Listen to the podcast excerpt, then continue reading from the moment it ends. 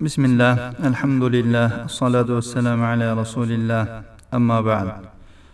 قال المصنف رحمه الله تعالى الحديث السابع المسلم من سلم المسلمون من لسانه ويده. مصنف رحمه الله dedilar yettinchi hadis komil musulmon musulmonlar uning tilidan va qo'lidan salomat kishidir qurayshliklar ahli madina yerlarning tabiatidan kelib chiqib shug'ullanishadigan va hayotlarida unga suyanadigan dehqonchilikka tahqir nazari bilan qarashardi.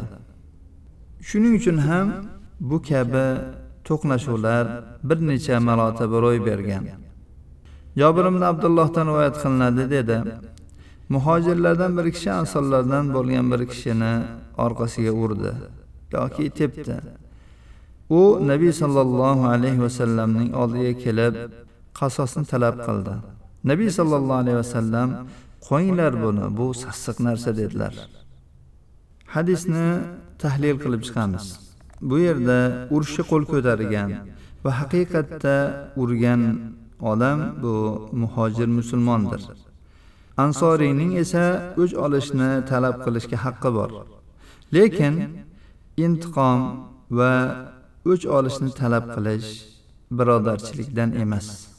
Rasululloh sollallohu alayhi vasallam irqchilik va tarafkashlikni yo'q qilishga va johiliyat qoldiqlarining o'rniga birodarlikni keltirishga juda ham qattiq harakat qilardilar. Shuning uchun ham ansoriyning qalbidagi birodarlik cho'g'larini harakatga keltirdilar va undan qo'yinglar buni bu sassiq narsa deb kechirishni afu qilishni talab qildilar. Ushbu hodisani o'rganayotgan kishi rasululloh sollallohu alayhi vasallam bu ishlarni muolaja qilishga qay darajada ahamiyat berganlari va u zotning fikri bu bilan qanchalik band bo'lganligini yaxshi anglab yetadi. Shuning uchun ham rasululloh sollallohu alayhi vasallamning tilidan musulmon musulmonlar uning tilidan va qo'lidan salomat bo'lgan kishi degan hadis bir necha xil ko'rinishda rivoyat bo'lgan. Kutubi sittada va bundan boshqa kitoblarning ko'pchiligida bu hadislar biroz ixtiloflar bilan rivoyat qilingan. Masalan ibn hibbonning sahihlarida muhojir sayyiotlar yomon ishlarni tark qilgan kishidir. Komil musulmon esa musulmonlar uning tili va qo'lidan salomat bo'lgan kishilar deyilgan. Go'yoki rasululloh sollallohu alayhi vasallam bu kabi hodisalar muhojir tomonidan takror bo'lishning xatarini anglab yetganlar va buni nozik bir tarbiyaviy uslub bilan muolaja qilganlar va aytganlarki haqiqiy muhojir yomon ishlarni tark qilgan kishidir. Go'yoki rasululloh sollallohu alayhi vasallam bu kabi ijtimoiy jumboqlar oldida bir necha marotaba shu nasihatchi bo'lib yo'l ko'rsatuvchi bo'lib turganlar. U zot har safar qaysidir bir so'zni ziyoda qilib qaysidir bir so'zni qo'shardilar. Nasoiyning sunanlarida abu hurayradan rivoyat qilingan hadisda rasululloh sollallohu alayhi vasallam dedilar musulmon musulmonlar uning tili va qo'lidan salomat bo'lgan kishidir. Mo'min esa odamlar o'z qonlarini va mollarini unga ishongan kishidir. Go'yoki masala piching qilish masxara qilish qo'l bilan va oyoq bilan urishdan qon to'kish va mollarga tajovuz qilishgacha yetib borgan. Shunda odamlar bundan sarosimaga tushganlar. Va darhol savol berishgan. Islomning qaysinisi yaxshiroq? Go'yoki so'rovchi bu bilan hamjihat bir jamiyatni paydo qilishning yo'li qanday bo'lishini bilib olishni istagan. Nabiy sollallohu alayhi vasallam esa bu kabi birodarlik hamjihatlik yo'llarini ushbu so'zlar bilan bayon qilib berganlar. Taom yedirasiz tanigan va tanimagan kishingizga salom berasiz. Taom yedirish va salomni yoyish qalblardagi kirliklarni tozalaydigan shar'iy bir vositalardandir. Zero taom yedirish qo'lning salomatligini salom esa tilning salomatligini lozim tutadi. Nabiy sollallohu alayhi vasallam mana shu voqeiy va faol ko'rsatma bilan o'zining hurmat ehtiromi bo'lgan va tanzimi bo'lgan o'ziga xos ijroatlari bo'lgan islomiy bir jamiyatni barpo qilishni xohlardilar. Bu jamiyat o'zaro muomalalarda va boshqalar bilan bo'lgan muomalalarda o'ziga xos his tuyg'ular va odoblarga ega bo'lgan bir jamiyatdir. Ushbu aloqalar taom yedirish va salomni yoyish bilan yana ham quvvatlashib yana ham mustahkamlashadi.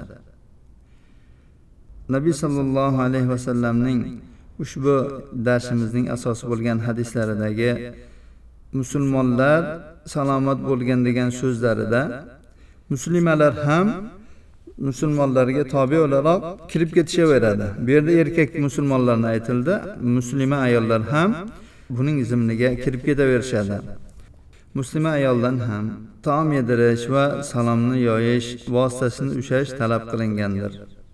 Boshqa bir rivoyat ham borki u islom jamiyatini yana ham kengaytiradi.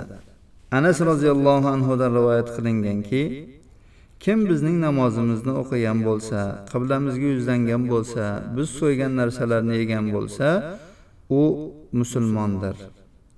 Shuning uchun ham ulamolar chiroyli muomala qilinishda ahli zimmalar ham hukman musulmonlarga tutashadilar deb aytganlar. Payg'ambar sollallohu alayhi vasallam bu kabi hadislarni aytish bilan go'zal his tuyg'ularga ega bo'lgan. Unda kishi hozir bo'lsin g'oyib bo'lsin hurmatlari kafolatlangan va unda biron kishi quruq gumon bilan ushlanmaydigan unda josuslik qilinmaydigan birov birovga quloqlik qilmaydigan va odamlarning omonligiga tinchligiga ularning hurmat ehtiromlariga hurriyatlariga zarracha qo'l tekkizilmaydigan bir jamiyatni qurishni istardilar. Bu jamiyatni turli jinslardan turli elatlardan tashkil topgan insoniy birlik haqida oliy bir tushunchasi bor. Bu jamiyatdagilarning hammasi e'tiqod qiladigan yakka yolg'iz bir mezoni bor. U ham bo'lsa nafs havo aralashmagan alloh taoloning shariati mezoni va birodarlik mezonidir. Hadis mana shu tushunchasi bilan pok va oliy jamiyat belgilarini chizib beradi va iymon belgilarini ham chegaralab beradi. Bu kabi muhitda musulmon kishidan jamoat bilan yashashi amal qilishi bino qilishi do'st bo'lishi ulfatlashishi talab qilinadi. Agar lozim bo'ladigan bo'lsa ba'zi bir o'zi xohlamaydigan narsalarni ko'tarishi va qarshilik qilishga kuchi yetmaydigan ba'zi narsalarga ahamiyat bermasligi talab qilinadi. Musulmon kishi bu jamiyatda qalbga ozor beradigan so'zlarni so'zlamaslikka va biron kishiga tili bilan ozor bermaslikka o'zini chiniqtiradi. Chunki musulmon kishi o'ta sezgir bo'ladi. Har bir so'zini o'ylab gapiradi. Qadimda aytilganki tiqlarning jarohati tuzalib ketadi. Ammo tilning jarohati hech qachon tuzalmaydi. Mana shu ko'rinishdagi o'zaro birodarlik hissi bo'lgan musulmon jamiyati dushmanlarga yuzlanish va ularni tiyib qo'yishga qodir bo'ladigan kuchga ega bo'ladi. Demak bu kabi islomiy muhitdagi asl asos o'zaro nasihatgo'ylik o'zaro rahm shafqat muhabbat hamkorlik do'stlik va tinchlik bo'ladi. Xilof va nizo bu jamiyatda favqulodda bir holat bo'ladiki uni tezda muolaja qilib uni bartaraf qilinadi. Mana shu rasululloh sollallohu alayhi vasallamning komil musulmon musulmonlar uning tili va qo'lidan salomat bo'lgan kishi. Haqiqiy muhojir esa alloh taolo qaytargan narsalarni tark qilgan kishidir degan hadislarning ma'nosidir. Hadisdan olinadigan foydalar. Birinchisi musulmon kishi uchun haqiqiy islom faqat alloh taoloning haqlarini va musulmonlarning haqlarini bajargan paytdagina to'la bo'ladi. U musulmonlar uchun o'ziga yaxshi ko'rgan narsalarni yaxshi ko'radi. Uning islomi esa musulmonlardan ozorini tiyish bilan va ular bu odamning tilining yomonligidan va qo'lining ozoridan salomat bo'lishlari bilan kamolga yetadi. Ikkinchisi haqiqiy mo'min iymon uning qalbiga o'rnashgan va uni musulmonlarning manfaatlarini ularning omonatlari va qonlarini saqlashga undagan kishidir. Musulmonlarga ozorning turli ko'rinishlari til bilan qalam bilan tig' bilan ozor berishdan chetlanishning farzligi. To'rtinchi iymon mo'minni musulmonlarning mollari obro'lari va qonlarini saqlashga undaydi. Beshinchi musulmonlarga ozor berish va odamlar undan xotirjam bo'lmagan kishining iymoni yo'qdir. Oltinchisi hijrat ikki xil bo'ladi. Xos hijrat bo'ladi bu asliy vatanini tark qilib boshqa yurtga ko'chib o'tish.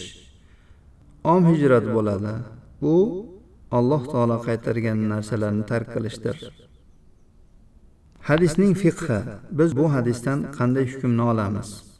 Musulmonlarning qonlari mollari va obro'larining asl asosi o'zaro o'rtalarida haromligidir.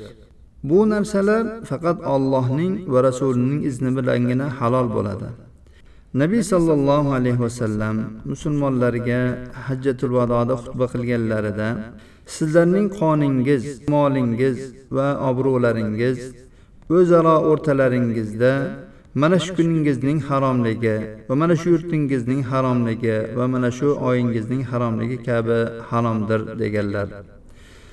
Va yana nabiy sollallohu alayhi vasallam aytganlarki kim bizning namozimizni o'qisa va qiblamizga yuzlansa va biz so'ygan hayvonlarni yesa u musulmondir. U uchun alloh va rasulining zimmasi bordir ya'ni himoyasi bordir. Yana bir hadislarda aytganlarki agar ikki musulmon qilichlari bilan bir biriga qarshi chiqishadigan bo'lsalar qotil ham maqtul ham ya'ni qotil ham o'ldirilgan ham do'zaxdadir. Shunda so'raldiki ey rasululloh bu qotil maqtulga nima qildi? Maqtul nimaga endi do'zaxga tushadi? U zot aytdilarki u ham sherigini o'ldirishni xohlagandi. Va yana aytganlarki sizlar mendan keyin ba'zingiz boshqangizni bo'yniga qilich bilan uradigan kofirlar bo'lib qolmanglar. alloh subhanahu va taolodan ushbu hadisga amal qilishimiz va mana shu sifatlar bilan sifatlangan musulmonlar bizning tilimiz va qo'limizdan salomat bo'ladigan musulmonlardan qilishni so'rab qolamiz هذا وصلى اللهم على نبينا محمد وعلى آله وصحبه وسلم